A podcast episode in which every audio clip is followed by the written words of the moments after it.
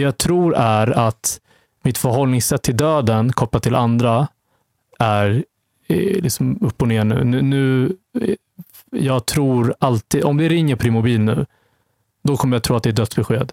Mm. Då kommer jag titta på dig, på dina ögon och sättet du svarar på samtalet för att se till att det inte är dödsbesked och sen kan jag slappna av. Så är jag konstant Fortfarande. fortfarande. Om ett barn cyklar i nedförsbacke, då är jag övertygad om att barnet kommer ramla och slå ihjäl sig.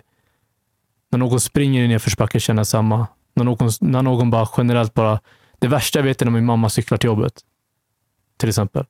Um, det är som att en olycka är ständigt på gång och jag är alltid på spänn hela tiden. Um, och det är den, tror jag, tydligaste eh, liksom kvittot på något sätt. Att jag, jag påverkas av den händelsen, för den kom från ingenstans.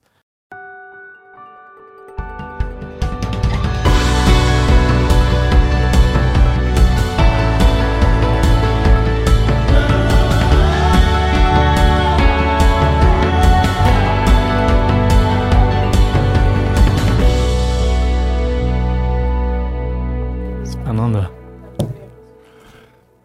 Lolo, varför?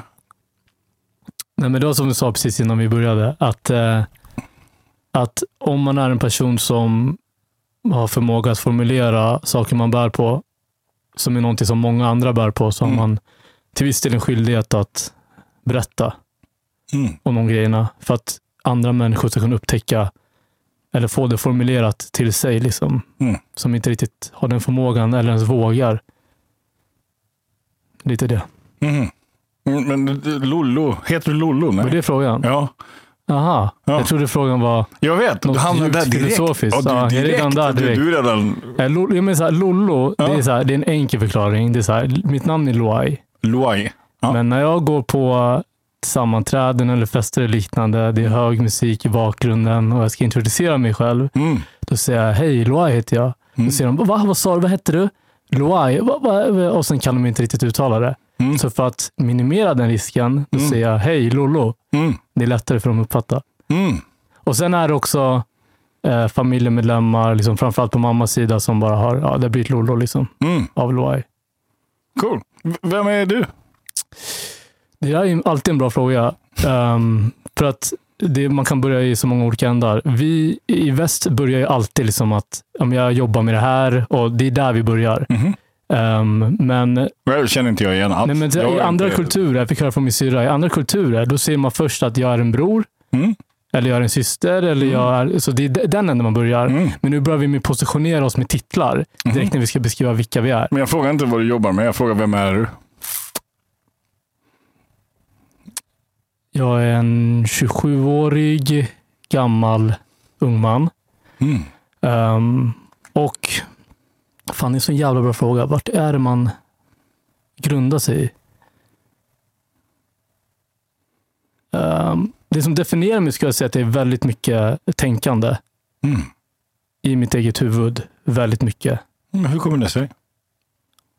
Jag var en tyst pojke alltså när jag växte upp och jag har alltid beskrivits som tyst och observerande. Alltså i väldigt ung ålder. Jag tyckte om att sitta vid bord med alla vuxna och du vet, jag har en stor familj och sådär. Fast jag pratade aldrig. Mm. Utan jag tittade bara. Och när, du säger jag har en stor familj, vad, Ehm, vad är det? Då, då är det då mamma har många systrar och eh, bröder. Och många bor i Sverige. Och vi är väldigt så här, tajta. Mm. I, liksom, när någon fyller år träffas vi allihopa. Vi är väldigt många. Och, och, så vad är väldigt många när ni träffas? Du fyller år. Oh, vi är många, många. ja, vad är det? säga- Hur många då? Vad är vi uppemot? Med småbarn, småkusinerna, det är vi, vad är vi? 20 stycken kanske? Mm. Om inte mer. Ja, Mm. någonstans där. Härligt, Ehm, eller? ja, det är härligt. Absolut. jag fick ingen respons. Det är härligt. Ja, det nej, bara det, det tyst. är härligt. Det är härligt. Ehm, ja, men så att ja, men det, är en, det, är en, det är en stor familj vi har. Mm. Hur har du tänkt inför idag?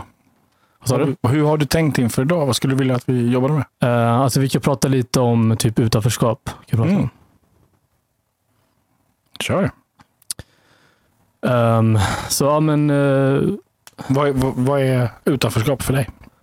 Alltså utanförskap är en, men bara en känsla av, eh, att man kan vara på en plats, men ändå inte känna att man tillhör den platsen på något sätt. Att man inte riktigt är där helt och hållet.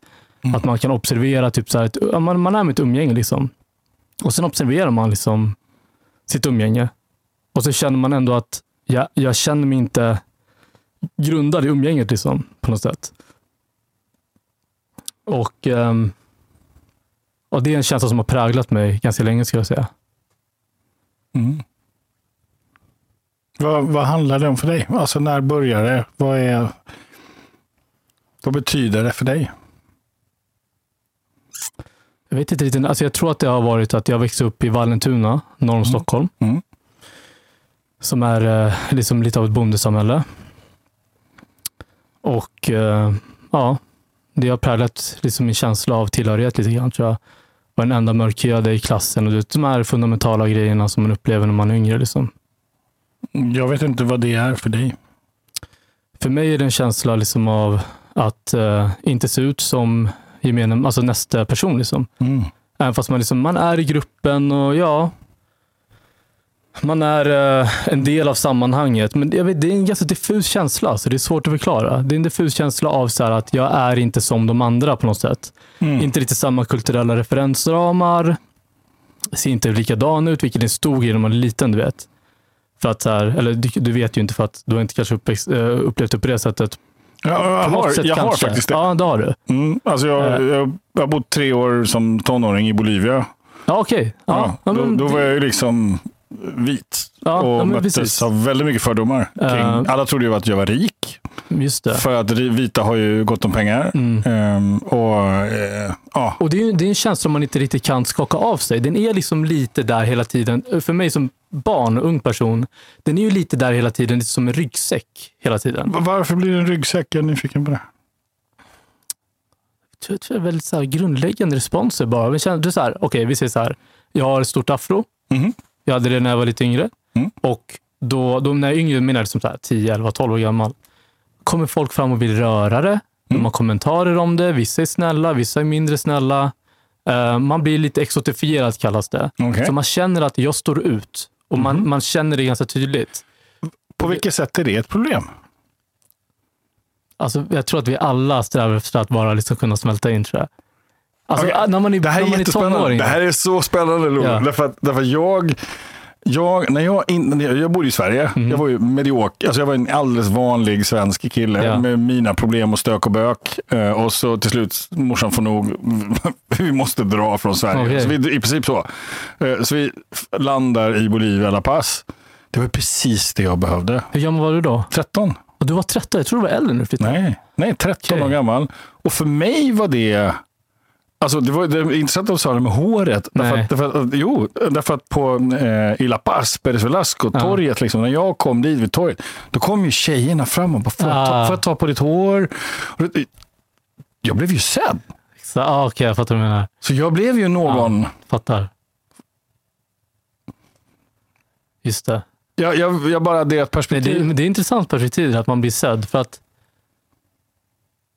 Fan, det, det, det tror, jag tror att det är det jag har någonstans gjort till min... Jag vet inte, jag vänt det från något negativt till något positivt. Att jag använder känslan av att vara uni- unik och stå ut i många sammanhang. Eftersom att jag Mm. fortfarande känner känslan av att jag är för svart för de vita, för vit för de svarta. Mm. Jag blev kallad husplatte för en halvtimme sedan bara på, inte- på Instagram. Liksom. Mm.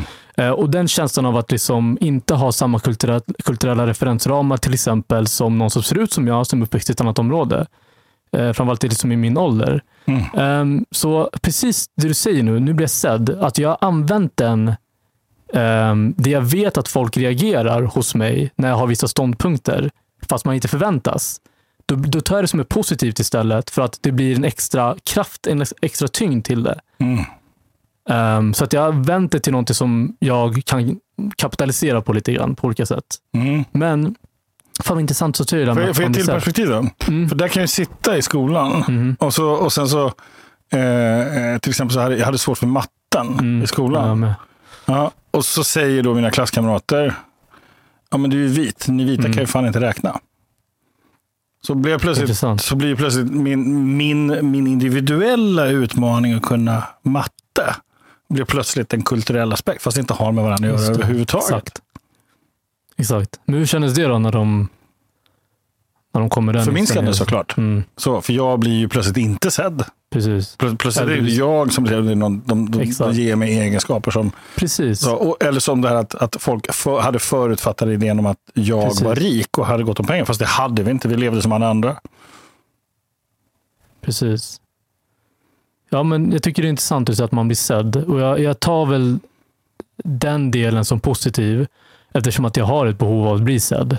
Mm. Och det har jag alltid haft. Det är, någon, det är liksom en grund, grundläggande grej hos mig som bara leder mig hela tiden genom livet. Så här. Att det är, något, det är någon, någon, någon rädsla att vara osynlig hela tiden. Mm. Ehm, Då blir jag nyfiken på, så varför blir det då ett problem för dig att du blir sedd? Ja, det, var, det, var, det var när jag var yngre. Jag tror att jag var bara, jag vill bli sedd av rätt anledning. Alltså jag var ju duktig på fotboll. R- Bli sedd av rätt anledningar? Ja, alltså jag vill inte att så här, jag ska bli sedd för att så här, mitt hår eller mitt utseende mitt namn. Men jag var ju duktig på fotboll och det älskade jag ju att man folk kollade på mina matcher eller pratade med mig om fotboll och tyckte jag var duktig. Så det är inget problem med. Mm. Men det är just någonting kopplat till någonting som är bortom mina egenskaper. Och mer så här, ja men jag är, jag är svart, jag har ett annat typ av namn, annan typ av bakgrund. Och sen blir det en grej av det. Mm. För att du vet om man är tio år gammal och det är skolupprop. Alla som har ett lite annorlunda namn kan relatera till det. Det är att du vill inte att lärarna ska hacka upp på ditt namn. Att det ska bli som stopp, äh, typ sådär, och sen blir det fel uttalat och så måste man räcka upp handen och man står ut från alla andra som får sina namn uppropade på ett Jo, perfekt jag sätt. vet precis. Ja, du, du, det vet ju du för alltså, att du var där en du var. latinamerikan som ska försöka säga Alexander Holmberg. Blir Alexander Exakt. Holmberg. exakt. Det blev inget bra. Eller hur? Och det är inte Mm. skön känsla när man är tio. Liksom. Ehm, och det, jag sa ju det, det första jag sa var varför heter jag Lollo? Varför går jag Mm. för Lollo istället för Luai? Det är precis den grejen. Det är en anpassning. Det är en, det är en anpassning på ett sätt. För att jag, jag vill inte liksom att det ska vara den här jag förstår inte hur man uttalar eller stavar det fel eller sådär. För att det, där- det där är en liten grej jag har. Liksom när man stavar det fel, uttalar det fel, det blir så här, det är något som triggas igång hos mig. Mm. Så Vad är det som triggas igång? det är väl när man sitter i klassrummet, liksom, att det ska bli den känslan igen. Liksom att, man, att man... Det är, någonting, det är någonting med att man inte kan uttala mitt namn rätt eller stava det fel. och så där. Det är någonting med det. Jag var med i P1 eller vad det var för några veckor sedan och hon hade ju olika uttal för varje gång hon, hon liksom adresserade mig under samtalet vi hade. Mm. Jag blev bara så här, ja, man påminns om det där att man inte vill stå ut på det sättet på något sätt. Utan jag vill att det, det ska liksom kunna vara smidigt, hela den grejen, kopplat med identitet och sådär. Och sen så får man gärna liksom, saker och ting handlar om vad, vad jag står för och vad jag säger. Liksom. Mm. Mer fokus på det. Så varför hänger du upp dig på det? Ja. Vet inte, det är väldigt så här du med? För, för om du är i P1 Mm, så här, och, så, och så journalisten slarvar med, Mm. med, med liksom hur, man, hur man uttalar ett namn. mhm, But you make your point. Du är i P1 och berättar din grej. mm. Varför hänger du upp dig på hur man Mm. sa namnet? Ja, alltså det, det är väldigt automatiska responser. Det är Mm. bara, jag, jag kommer ju över hyfsat snabbt, men det är bara så att jag, det är skönare då att säga att jag heter Lollo och sen blir det bara så här. Det, det blir mer smidigare då. Liksom.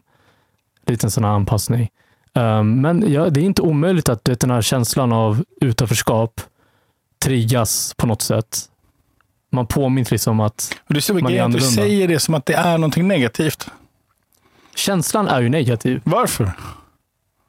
alltså ut, utanförskap själv som koncept är ju det är ju ehm, kopplat till liksom överlevnad och känsla av tillhörighet och alla de delarna. Det är väl det som automatiskt triggar igång det.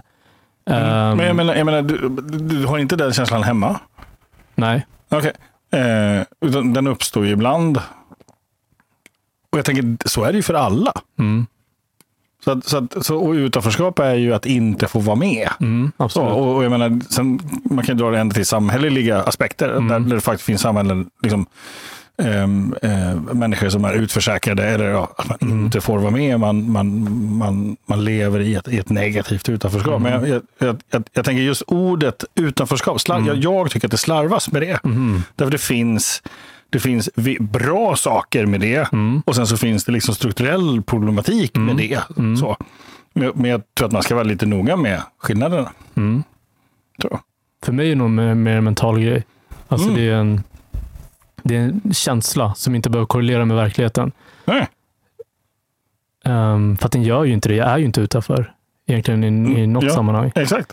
Uh, men det är en känsla av, som förmodligen triggas av en genomgående upplevelse av att inte riktigt höra hemma i hela min, alltså min uppväxt Mm. kopplat till min identitet. Att hela tiden känna att man Yes. står ut fast man vill bara smälta in i gruppen. Finns det markörer som gör att man inte riktigt är inne där. Mm. Eh, och Det är väl det som triggas igång sen när jag får em, kommentarer om namnet eller det blir felstavat eller Mm. uttalar fel. Så automatiska responser. Liksom. Mm. Ehm, men jag skulle säga att jag har ett sundare förhållningssätt till det idag, definitivt. Ja, jag bara tänker så här, tänk, tänk, vad cool ifall man så här, Ja, ifall det blir tvärtom istället. absolut. Hej, jag är utanför. Absolut. Absolut. Och, Mm. Ehm, du, sa, du sa så här inledningsvis, jag, när jag frågade dig så vem är du? Då sa du så här, jag är en gammal ung man. Vad menar du med det? Alltså jag är en gammal själ, det vet jag. Det har varit länge. Ehm, jag tror att man blir äldre i själen, i tanken, ju mer man lever i sitt eget huvud. Jag tror man åldras snabbare då där uppe. Man lever i sitt eget huvud. Ja. Vilken underbar sägning. Mm. Ja, jag är här Ja. i mitt eget huvud. Ja. Det är väldigt mycket så här, jag trivs i ensamhet, jag trivs liksom i det observerande läget. Jag trivs i center of attention också. När du själv väljer. När jag själv, exakt så, när jag själv väljer. Annars så trivs jag väldigt mycket att bara observera, vara för mig själv Mm. och vara i eget, egna huvudet. Liksom, man ska vara försiktig med uttryck om att man har röster i huvudet, men jag har, jag har en röst som um, slipar liksom argument, slipar formuleringar. Som liksom, när man tänker på grejer så får man ett annat perspektiv därifrån och så gör att man kan utmana sig själv lite Mm. grann i hur man tycker och tänker kring saker och så. Och det görs bäst, ehm, det görs bäst när man liksom är ensam, skulle jag säga, utan distraktioner och så. Så vad är det du har varit med om som gör att du känner dig som en gammal ung man?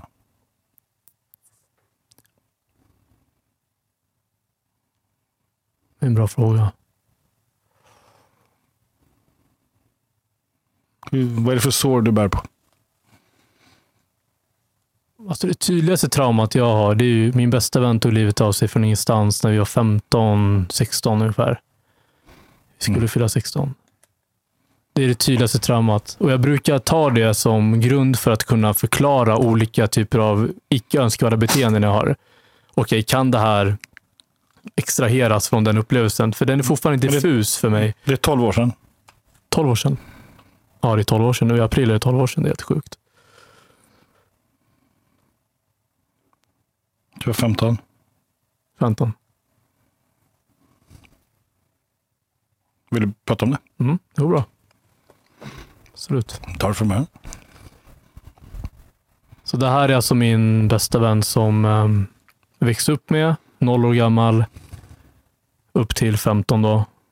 Absolut närmsta vän. Liksom. Och sen från ingenstans, behöver inte gå in för mycket detaljer i det, men då Nej. kommer ett, ett sms från honom där han skriver lite saker och det, det är Vad heter ett- han? Micke heter han. Mhm. Eh, och så är det då ett liksom sms där han liksom tar avsked lite grann så. Och, eh, Förstod du det när du fick det? Ja, medan jag höll på att läsa det. Liksom. Så förstod inte först vad fan det var och sen bara märker man det. Liksom. Och sen eh, blir det liksom kaos och sen På så... vilket sätt? Vad är det som händer sen? Men det, vi börjar gå runt och leta efter honom, hans familj ringer och lite sådana Okej. delar och frågar vart han är. De börjar förstå att någonting har hänt. Ring, ringer du någon eller blir du uppringd? Jag blir uppringd av alla de här människorna. Liksom. Jag, jag försöker bara hitta honom för att jag är i närheten av där han bor. Jag är hos en annan kompis så vi går runt överallt och så. Sen stöter vi på två andra vänner som är hans två andra närmsta vänner. Liksom. Och då så säger de att ehm, ja, men vi har hört att det varit en tågolycka här borta vid Arsål, liksom, som är typ tio minuter bort vid centrum i Vallentuna. Mm. Och då är det som, okej. Då börjar man liksom förstå, men man förstår inte riktigt. Så vi går vi dit och ambulans, polis och massa sådana saker. Och eh, så kom farsan och hämtade mig. Jag förstår fortfarande inte vad det är som händer. Klockan är nu vid ett, två på natten. Jag lägger mig i min säng, sätter på Fresh Prince. Det är en serie på, på min stationära data. Så har jag en lång sladd på hörluren som jag drar till sängen och datorn ligger där. liksom. Jag har ingen tv i rummet. Och så ligger jag i sängen i flera timmar. och bara tittar utan att säga ett ord. Liksom. Mm. Och så kommer pappa in vid fyra tiden kanske. Du, du har en chock. Men... Ja, det måste vara det som händer. För att jag, jag fattar ingenting liksom, i det här läget. Uh, för att det var liksom, kom från ingenstans bokstavligen. Och sen så kom pappa in, sätter sig vid sängkanten och klappar mig på benet lite. Så säger han, ja men hans pappa ringt och sagt att det liksom bekräftar att det är han. Så jag bara, okej, okay, säger jag. Sen går han ut och sen så somnar jag. Och sen vaknar jag upp och han är liksom inte där. Mm. Så det, det, det är ju ett trauma i sig. Oklart för mig hur det har påverkat um, påverkat saker och ting längs vägen nu, 12 år senare. Mm. Jag nystar fortfarande i det. Um, så, ja, Mm. Jag tänker så här, om du tittar tillbaka idag, Aha. liksom på den här killen, liksom när du är 15. Mm. Så vad är det du, du själv ser tydligt liksom är bevis för hur du har påverkats? När jag tittar tillbaka på Mm. honom. Ja, när du tittar, vad är liksom kvittot, så att säga, att du faktiskt har påverkats? På vilket sätt har du påverkats? Um, med ett annat förhållningssätt till döden. Liksom. Okej. Nu går vi in på andra grejer ut, utöver utanförskap. Men vi kanske kan vara fly, flytande eller? Ja. Ja, så att vi inte håller... Ja, men det är skitbra. Um, för annars blir det som att jag låser mig till att dra kopplingar till utanförskap. Men, men då kan Nej, man vara mer flytande. nej. Okej. Eh, så att eh, det jag tror är att mitt förhållningssätt till döden kopplat till andra är eh, liksom upp och ner nu. nu, nu jag tror alltid, om det ringer på din mobil nu, då kommer jag tro att det är dödsbesked. Mm. Då kommer jag titta på dig, på dina ögon och sättet du svarar på samtalet för att se till att det inte är dödsbesked och sen kan jag slappna av. Så är jag konstant Fortfarande. fortfarande. Om ett barn cyklar i nedförsbacke, då är jag övertygad om att barnet kommer ramla och slå ihjäl sig. När någon springer i nedförsbacke känner jag samma. När någon, när någon bara generellt bara... Det värsta jag vet är när min mamma cyklar till jobbet. Till exempel. Ehm, det är som att en olycka är ständigt på gång och jag är alltid på spänn hela tiden. Ehm, och det är den, tror jag, tydligaste eh, liksom kvittot på något sätt. Att jag, jag påverkas av den händelsen, för den kom från ingenstans.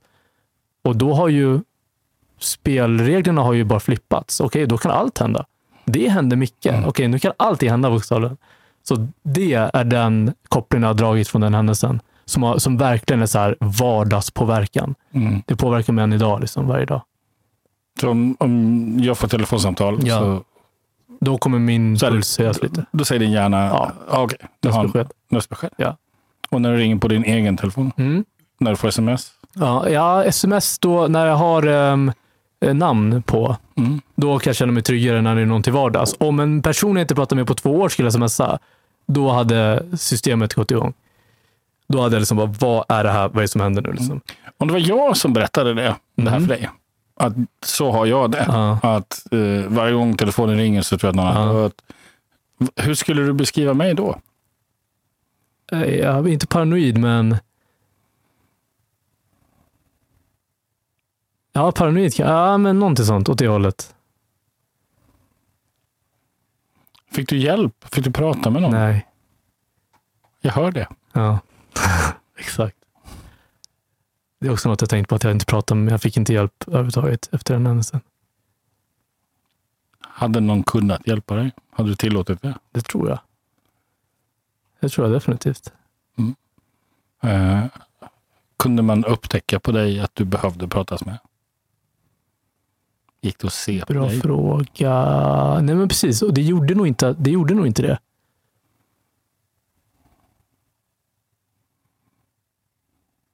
Nej, det gjorde, för vi började gymnasiet precis då minns jag. Mm. Och ja, alltså livet rullar på som vanligt. Mm, visst är det konstigt? Ja.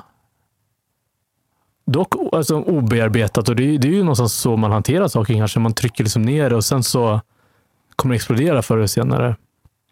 På något sätt. Men ja, det rullade på hyfsat som vanligt. Jag gick inte in i någon så här depressiv fas och så. Då hade jag nog blivit uppfångad på ett Ja, annat jag sätt.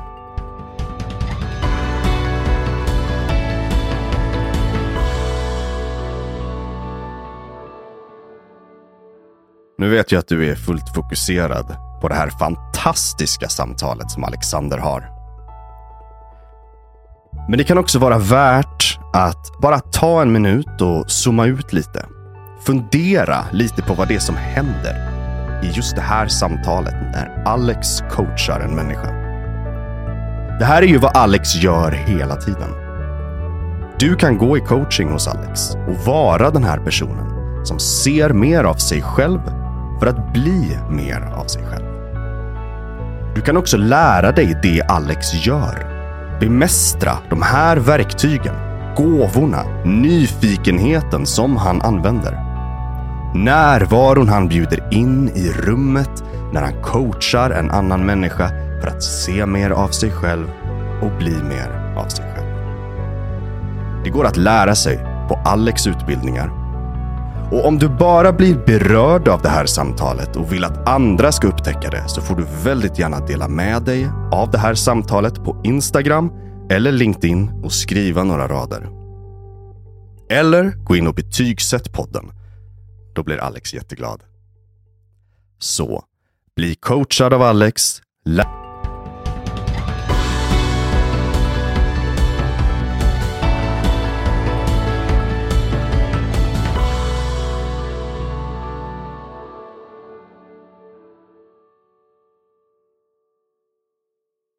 Har fått en beskrivning av ett trauma en gång. Mm. Och jag leker med tanken att jag kastar en penna till dig. Mm. Så. It's not a big issue, eller hur? Och så ger du mig tillbaka. Och så kastar jag den en gång till. Pennan, eller hur? Bara helt normalt. Aha. Och så leker jag med tanken att jag kastar den här. Och så plötsligt så sprängs den. Ja, just det.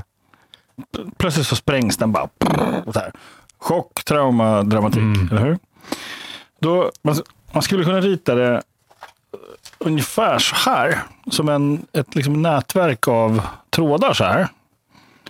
Eh, ungefär så. Som ett, som ett, ett liksom nätverk. Ja. U- Ungefär vår hjärna. Ska man säga då. Så, så när, när du kastar pennan första gången, då går den eller som en elektrisk signal i hjärnan. Och så hittar den sin väg. Så här, här, här ser du pennan kommer. Så. Och så nu kommer en reaktion. Ja. Du tar tag i pennan. Ja. Är du med då? Ja. Ja. Och så gör man det igen. Aha. Då tar den samma väg. ja, exakt. exakt, exakt. Ja, exakt. Och nu så sprängs den. Ja, då sticker Då- den till. Nej då. Nej. Då, är det, då är den här så intensiv okej, jag fattar. så att man kan tänka att den tänjer ut kanalen. Och om man får, om man får traumabearbetning, det vill säga om man får samtal med en professionell psykolog, så får man hjälp med att låta den där gå tillbaka. Just det. Ja. Men får man inte det, då fastnar den. Just det. Så när Makes nästa sense. gång det kommer en penna, Då så reagerar systemet som om någon kommer att dö. Exakt. Och Makes det, sense? exakt. Det är rimligt. Absolut. Vad tänker du nu? KBT var det första jag tänkte. Mm, det är KBT, Men, äh, kognitiv beteendeterapi. Klockrent, riktigt bra Um, för att jobba med den traumabearbetningen. Exakt. Snyggt. det är det första jag började tänka. Ja, Då har du en actionpunkt efter samtalet, Mhm, eller hur? absolut. Och isolera det till den. Ja. Därför att en annan sak är ju att det är garanterat sätt att fortsätta känna sig utanför. Att gå och bära på en sån här sak i hemlighet. Absolut. På tal om utanförskap. Absolut. Som ju också kan bli en, en identitet man känner sig trygg med. Menar jag. Definitivt. Ja. För det går inte att prata med många om den här typen av grejer för att det är inte många som kan relatera till den här typen av trauma eller den här typen av traumarespons också för alla reagerar olika. Mm. Så att, Fast faktum är att vi reagerar ganska lika när det gäller hur hjärnan fungerar och hur vi hanterar trauman. Mm. Så, sen, sen väljer vi olika strategier. ja, exakt. exakt. Så, men själva reaktionen finns där för vi är människor. Det är liksom inget konstigt. Och, Precis. eh, och Sen kan det här vara olika. Det kan vara beroende på när i livet man får en sån här händelse. Mhm. Eh, är man fem och kontra när man är 15 Mhm. så, så påverkar det här på olika sätt. Absolut. Men är man 15, man är precis på väg att bli vuxen, man, Ja. man vill leva ett eget självständigt liv och så plötsligt så rycks mattan under. Exakt. Det kan få en större effekt på Exakt. resten av sina 12 år. Exakt. Min, min lillebror hette Nils. Och jag fick ett telefonsamtal. Ja, jag beklagar. Och eh, jag jag vet vad det är att Ja. hamna i den här situationen av att man stirrar rakt in i en tv. Jag, för mig var det svart. Ja. Liksom. Ehm, och jag hade turen att få hjälp. Ja. Eh, och jag var vuxen när det hände så jag förstod att även om mitt system sa äh, men det här fixar du Holmberg, Ja. så visste jag att det ska jag inte göra själv. Nej, Det här ska inte jag göra själv. exakt. Så jag, jag, jag, jag, jag, Absolut. jag hör dig. Så. Absolut. Ehm, hur, hur, hur mycket tror du det här kan gå in i typ så här relations, brister i relationer med andra? Att man är rädd att bli lämnad. Och samtidigt blir rädd att gå in i någonting för att inte riskera att bli lämnad. Så att man håller folk på distans hela tiden. 100 procent. Eller hur? Visst håller de i hand? Ja, Ja, exakt. Det, det är någonting Kanske. där också. vill jag också säga. Ja. Kanske. Ja, Ehm, så det vi pratar om nu, det är din rädsla att vara nära i relationer. ja. Alltså, så här att jag, alltså jag kan gå in så här i, i rationellt, jag vet inte om det är rationellt eller inte rationellt, men så här att ju mer man bryr sig om, ju mer man älskar, desto mer har man också att förlora. Har ju större risk att de kommer dö. Ja, och de kommer att dö, Mm. men det är cyniskt att tänka, det är själviskt, det är egoistiskt, men jag har gått i de här tankarna liksom så här, att det är för övermäktigt att bry mig om för många människor och älska många människor för att de kommer ändå de kommer försvinna och jag vill inte få samtal om det. Jag vill inte liksom behöva konfronteras med det jag upplevde. Den chocken och liksom den blicken hos den, den personen som får reda på det. Liksom ljuden, tumor, allt det där som jag varit tvungen att genomleva. Förstår du? Alltså att jag, jag inte vill gå in i djupa relationer, meningsfulla relationer för att jag är rädd att förlora det. Och samtidigt också, nu, nu spretar jag iväg, men också så här. Vet du vad? Ja, Det är helt okej. bra. Ja. Eh, så att, så, tänk dig så här, du vet, när vi är vid stor uh, middag, uh, på middagsbord och så där, restaurang, skitställ, härlig stämning. Alla skrattar och det är härligt. Mm. När, jag kan inte sjunka in i harmoni, Mm. för jag måste hela tiden ha garden uppe. Ja, det är klart. För att någon kan få ett samtal. Någon kan hända. Något kan hända. Någon kan komma in hit och göra någonting eller någonting kan hända. Så jag kan inte landa i harmoni. För då har jag garden nere och då är jag inte beredd om någon Eh, skicka ett sms på det sättet igen eller någonting händer, någon får hjärtstopp eller någonting. Och det, jag kan bli så frustrerad på mig själv över det.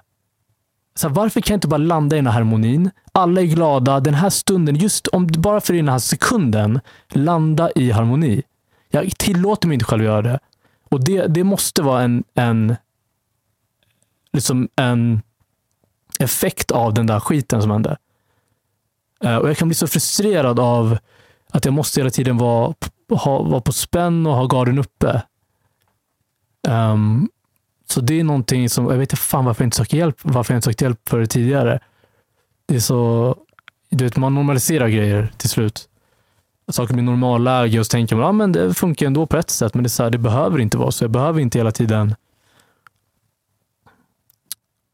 Ja, det är synd att jag har missat så många liksom, harmoniska ögonblick och verkligen sjunka in i det helt och hållet. Att bara just den sekunden, nu, allting, nu stämmer allting. Liksom. Nu är allting i linje. För så kan det vara, du vet, en bra middag, höga skratt och liksom bra stämning. Då, då liksom kan allt stämma, bara för några sekunder åtminstone. Men jag tillåter mig inte på grund av den här rädslan. Liksom. Det är skitsynd. Jag rånar mig själv från de upplevelserna. Liksom. Mm. Ja.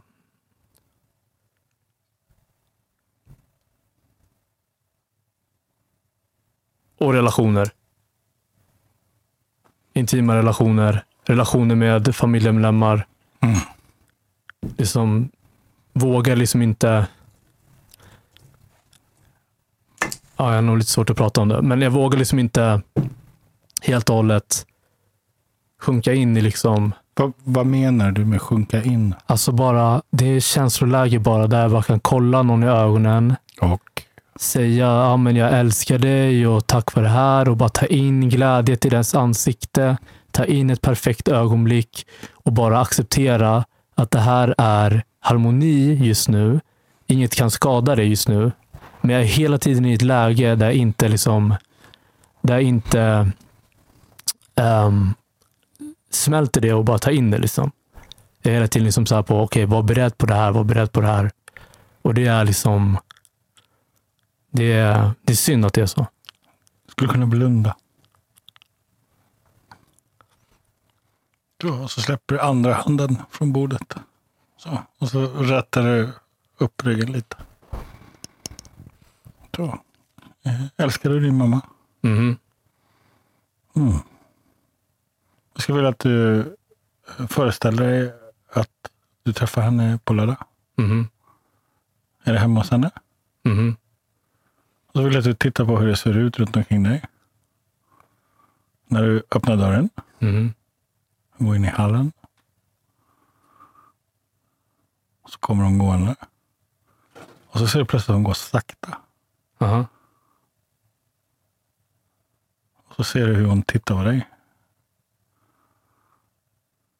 Och så hör du att hon säger jag älskar dig. Mhm.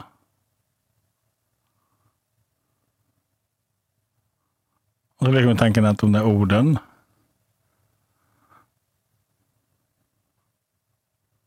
kommer in i huvudet Mm. och att de blir till små bilder. Vad är det för bilder? Vad ser du på bilderna? Jag vet inte, jag såg mig själv när hon håller mig när jag är liten. Ah, så du såg dig själv hon håller dig när du är liten? Hur gammal är du då? Kanske tre, två. Tre? Två? Hur håller hon dig? Mm. Jag vet inte, hon håller mig typ... Först var det som att hon höll mig som en litet bebis, men nu är det mer som att hon håller mig Mm. och håller mig liksom. Hur känns det? Bra. Jag ser det som att det är en bild, Mm. ett fotografi jag har sett. Okej. Det är färg eller svartvitt? Det är färg. Mm. Är det litet eller stort? Det är sån här liten, som om man skriver ut en polaroid. Liksom. Mm. Okej. Jag tänker att du gör en lite större bilden bara. Mm. Så att den blir stor som en enorm plasmaskärm. Mm. Mm. Och så, vad är det som är speciellt med just den bilden? Det är jag och mamma. Liksom. Mm. Hur känns det? Bra. Var i kroppen sitter bra? Vart det känns bra någonstans? Var i kroppen sitter bra? Bra fråga.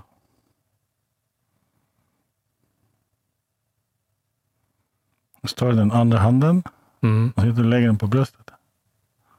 Där. Så var i kroppen sitter bra? Så att du känner din hand mot bröstet. Bröstet eller? Mm. Och så vill du andas. Mm. Mm.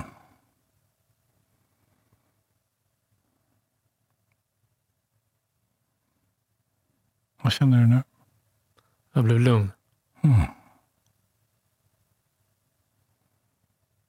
Så att du rör med dina fingertoppar mot bröstkorgen. Bara liksom, ja så. Du kan ha hela handflatan på, men att du rör fingrarna precis. Så bara rör den lite så här. Så. Kan du röra hela handen uppåt, neråt, sakta bara. Så.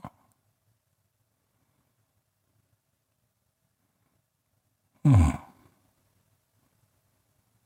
Cool. Har fått landa lite. Mm.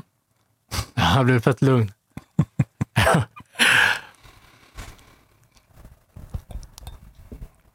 Alltså kan du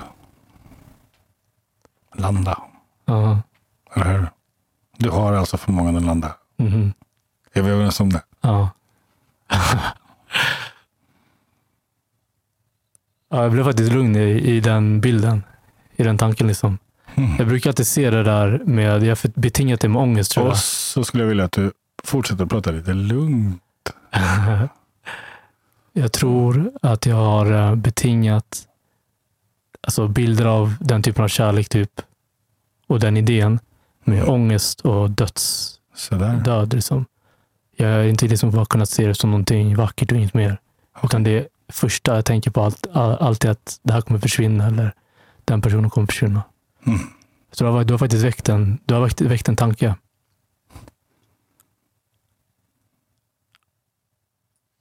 Jag tänker stanna där. faktiskt.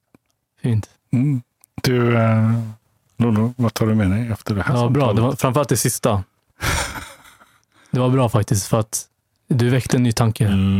Långsammare. Men du väckte en ny tanke, Mm. det sista. Det var nyttigt. Jag är säker på att det var en tanke jag väckte. Ja, alltså en tanke om, eller idé i alla fall, om att jag betingat det där med någonting eh, som gör mig mer ledsen än någonting som man bara ser som det här är en fin grej. Så det kommer, jag, det, det kommer jag bära med mig. Mm. Definitivt. Så det var skönt att prata bara. Det var länge sedan jag pratade. När du började prata om Micke, Mhm. vet du vad du gjorde då? Mhm. Då la du handen på ditt bröst. Gjorde jag? Mm. Ja. Fortsätt med det. ja. Absolut. Tack. Fint. Tack själv. Tack själv.